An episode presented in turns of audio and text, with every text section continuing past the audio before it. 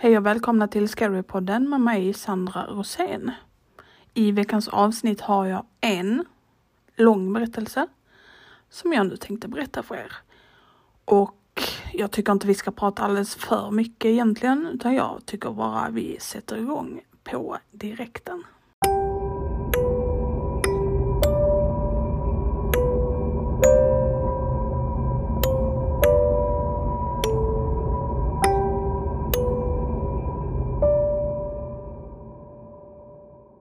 Allt var bra, tills det inte var det längre.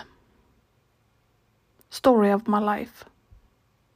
När jag satt i min ruttna bil vid sidan av en tvåfilig väg förstod jag innebörden av de orden. Alltid, alltid. Kontrollera alltid luften i ditt reservdäck, gott folk. När jag lämnade college för att tillbringa de första två veckorna av semestern med min pojkvän och hans föräldrar i deras strandhus Däcktrycket var det sista jag tänkte på då. Jag hade en jordgubbssmoothie och två munkar. Bra låtar på radion och försommarbrisen i håret. Tentor långt bakom mig och framtiden såg väldigt ljus ut. Nu hade de vattniga resterna av smoothien blivit min enda vattenkälla och munkarna var ett avlägset minne och luften var så fuktig att det kändes som om jag hade fått ett nytt lager hud av svett. För att göra saken värre var min son Max livrädd för något ute i skogen. Han skrek åt mig varje gång jag rullade ner fönstret för att det var som en ugn inne i bilen. Max ögon slingrade fram och tillbaka mellan träden. Hans ansikte och händer pressade hårt mot glaset. Vad hade han sett där ute? Mer än någonsin önskade jag att han bara kunde berätta för mig. Men Max, han har icke-verbal autism. Och även om han på de flesta sätt är precis som alla andra sjuåringar kan kommunikationen vara en kamp ibland. Jag tittade på min telefon igen och rynkade pannan. 911 ska funka oavsett vad, eller hur? Varför fortsätter jag höra det här konstiga meddelandet? Vi ber om ursäkt. Ditt samtal kan inte slutföras just nu. Försök att ringa igen senare. Adjö. Klick.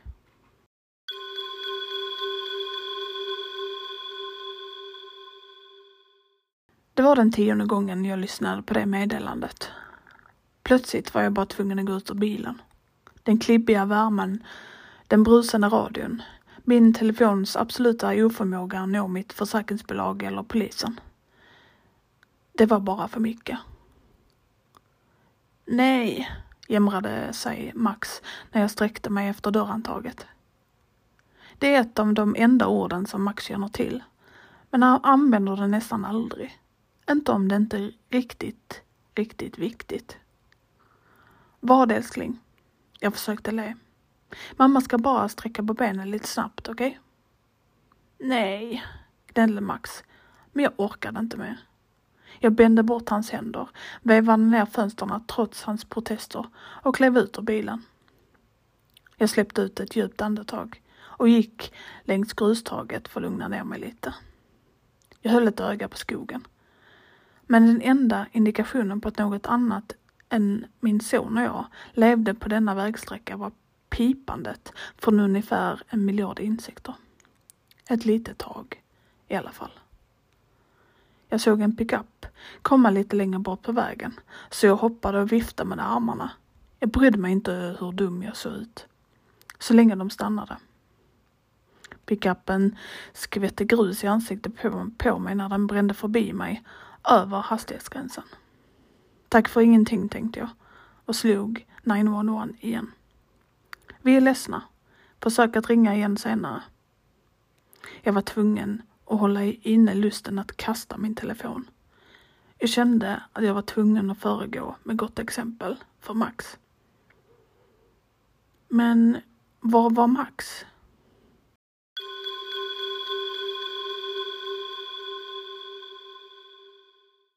Passagerardörren var öppen.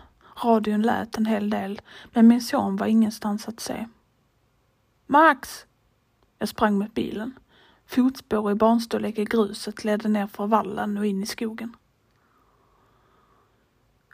Svärandes gick jag in efter honom och gick med ansiktet först in i ett jättelikt spindelnät. En spindel som jag inte kunde se, men eh, som kändes ungefär lika stor som min hand, krafsade genom mitt ansikte och hår i sin brådska att fly. Nu hade jag lärt mig en läxa och tog upp en pinne och började svepa med den i luften framför mig, men missade alltid noga. Känslan av små ben som slingrade sig över mina lår och hals blev en vanlig företeelse när jag traskade i havet av träd. Det var dystert i undervegetationen, men på något sätt var det inte svalare. Bilen var uppför och de djupa skogarna var nerför. Jag hoppades att det skulle vara svårt att gå vilse. Jag undrade vad som kunde ha fått Max att gå in hit. Om man bara behövde kissa så kunde han inte ha gått så långt. Men hade han inte varit livrädd för dessa skogar från början? Sedan såg jag honom i skuggorna av en enorm ek framför mig. Han stod helt stilla med ryggen mot mig och stirrade rakt fram på ekens stam som pekade uppåt som en orms tunga. Max! Jag tog tag i hans axel och snurrade runt honom. Halvt lättad, halvt rasande. Skräm mig inte så!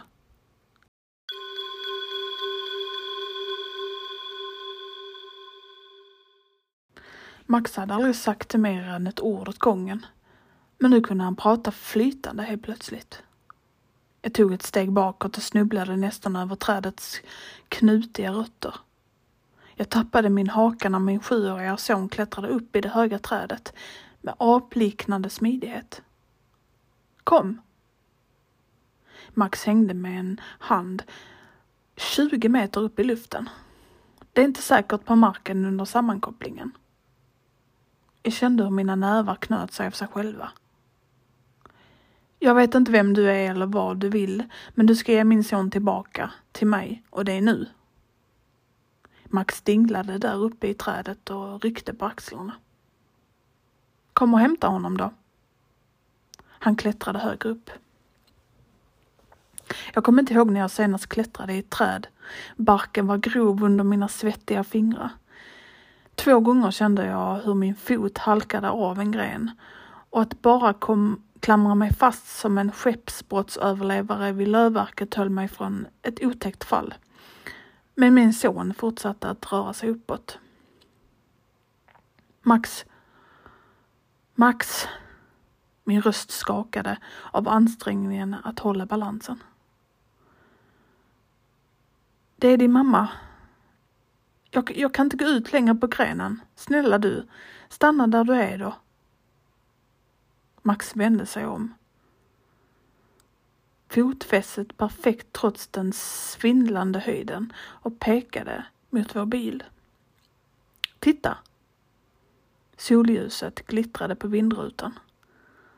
Även från hela vägen upp hit var det det enda fordonet som var synligt för flera mil. Men något annat kom på vägen från en stad som jag knappt kunde se vid horisonten. När den blev större insåg jag att det var en person eller något liknande.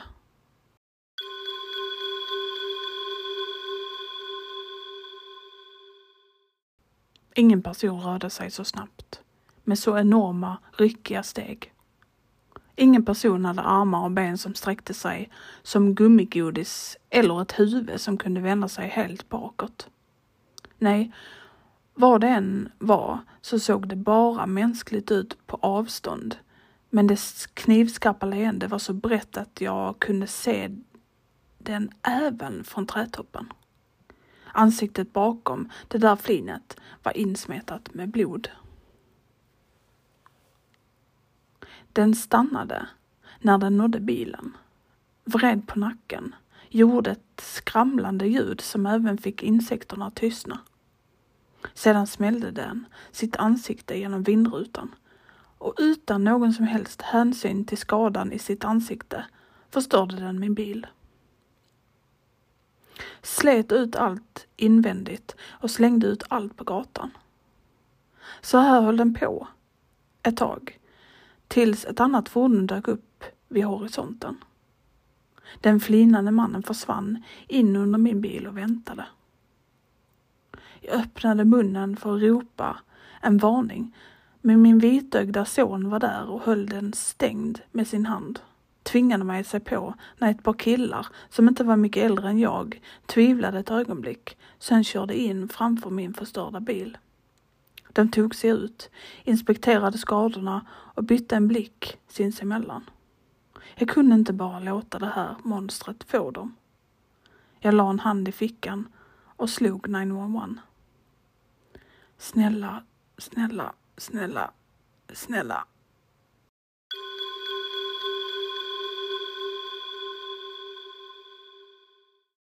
Jag tror att den längre av dem, den skäggiga, höll på att läsa mitt registreringsnummer när en arm sköts ur från under min bil. Den var stark och benfri som en bläckfisk tentakel och den drog under honom med ett skrik. Efter några äckliga ljud som jag bara kunde gissa vad det var skyndade grejen under bilen efter den andra killen som sprang för sitt liv. Men den flinande mannen kunde krypa snabbare än vad han kunde springa.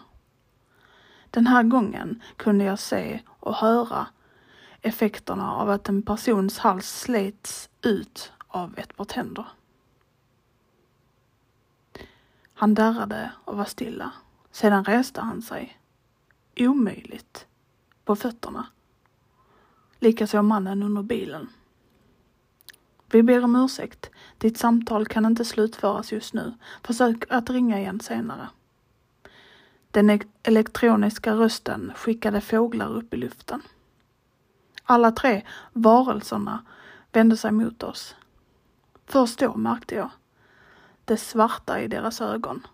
Endast upplysta av små nålstick av ljus, som diamanter. De tog stora, ryckiga steg mot oss. Max tryckte sig bakåt och hindrade mig från att falla med en hand fortfarande över min mun. Han var otroligt stark. Han slutade inte förrän vi gömdes i skuggan. Sakerna var snabba, trots deras oberäkneliga rörelser. En stund senare såg jag deras mörka former nedanför oss. Det var bara en tidsfråga tills en av dem tittade upp.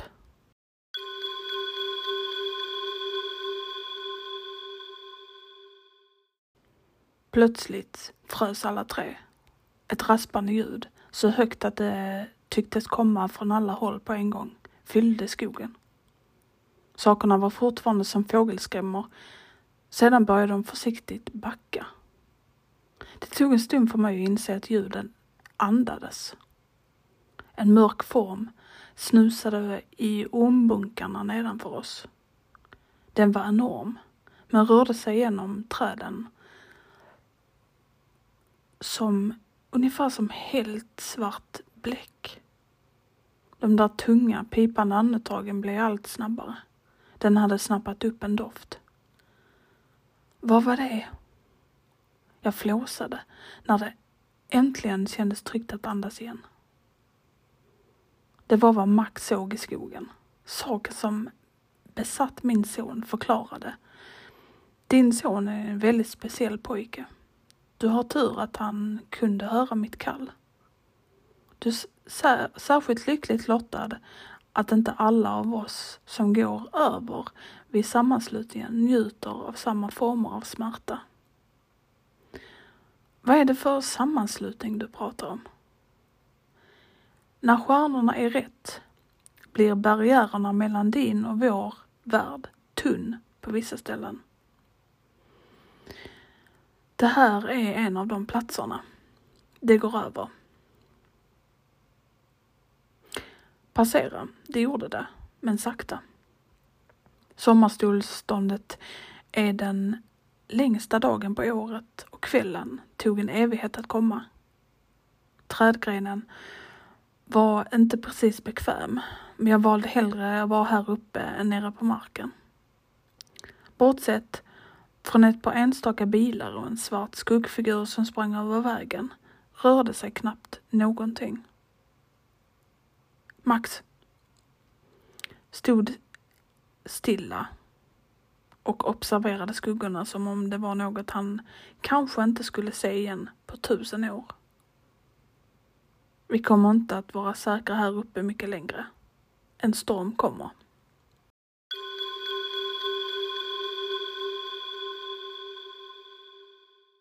Visst, det höll på att komma in en hel del mörka moln över landskapet. Men nu såg jag andra fordon komma fram längs vägen bredvid min genomsökta bil. De såg militära ut. Kom ner. Mina tår fortsatte att glida av grenarna och slog... Eh, jag slog mig ganska illa. Lägg dig på magen, täck dig själv med lera. Försök att inte tänka. Det går över och vi kommer att vara borta. Saken i Max kropp pausade. Din son älskar dig väldigt mycket. Det gör honom väldigt ont att han inte kan berätta det för dig. Jag vet, för jag har livnärt mig på hans smärta. Jag kan inte förklara för er sort hur gott det är. Kanske kommer han att ha mindre smärta när jag lämnar honom. Eller kanske inte. Kom ner, täck dig, tänk inte. Det går över.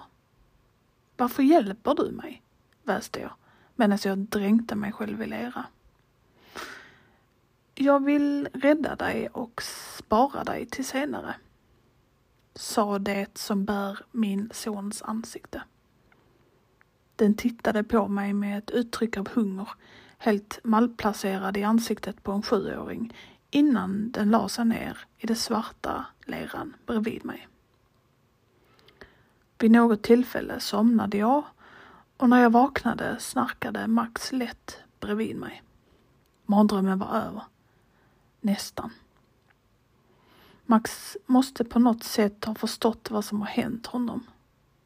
Det finns inget jag kunde göra än att hålla honom när han grep tag i huvudet, snyftade och upprepade nej, nej, nej utan stopp.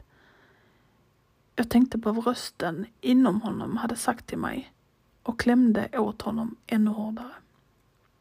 När han äntligen lugnat ner sig och vi kunde ta oss tillbaka till vägen såg vi en polisspärr. Den ena officeren förklarade för mig hur vi kunde få en boxering till en, ver till en verkstad. Men Max skakade bara på huvudet. Mamma. Han klämde min hand. Hem.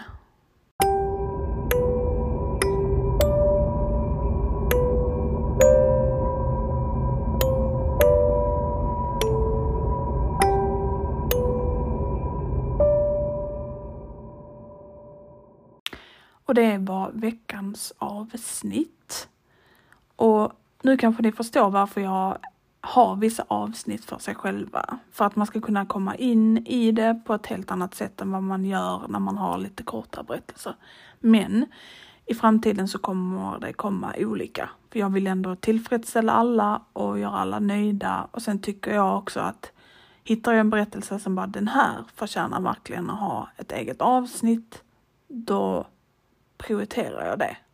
Men ni får gärna berätta för mig vad ni tycker, om ni tycker om långa avsnitt och när vi fokuserar på ett eller om det är när det är kanske tre eller det är två eller det är fyra. Så ni får gärna skriva det till mig på Instagram, det hade varit jättekul att höra. Men om inget annat så vet ni vad som gäller. Har ni själv varit med om någonting kan ni mejla det till mig på scarypodden gmail.com. Men om inget annat händer så hörs vi igen nästa vecka. Och tack för att just du lyssnade.